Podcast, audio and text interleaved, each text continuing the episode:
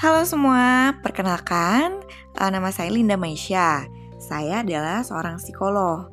Di podcast saya ini, saya akan membahas tentang aplikasi ilmu psikologi dalam kehidupan kita sehari-hari, termasuk juga tentang tips-tips praktis bagaimana cara mengaplikasikan teori-teori psikologi secara sederhana dalam kehidupan kita.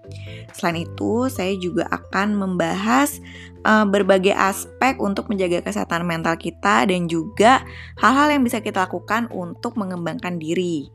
Jadi, pada beberapa episode di podcast ini, saya akan kolaborasi sama praktisi-praktisi lain, baik psikolog, praktisi kesehatan mental, ataupun praktisi di profesi dan bidang lain. Oke, sekian perkenalan dari saya.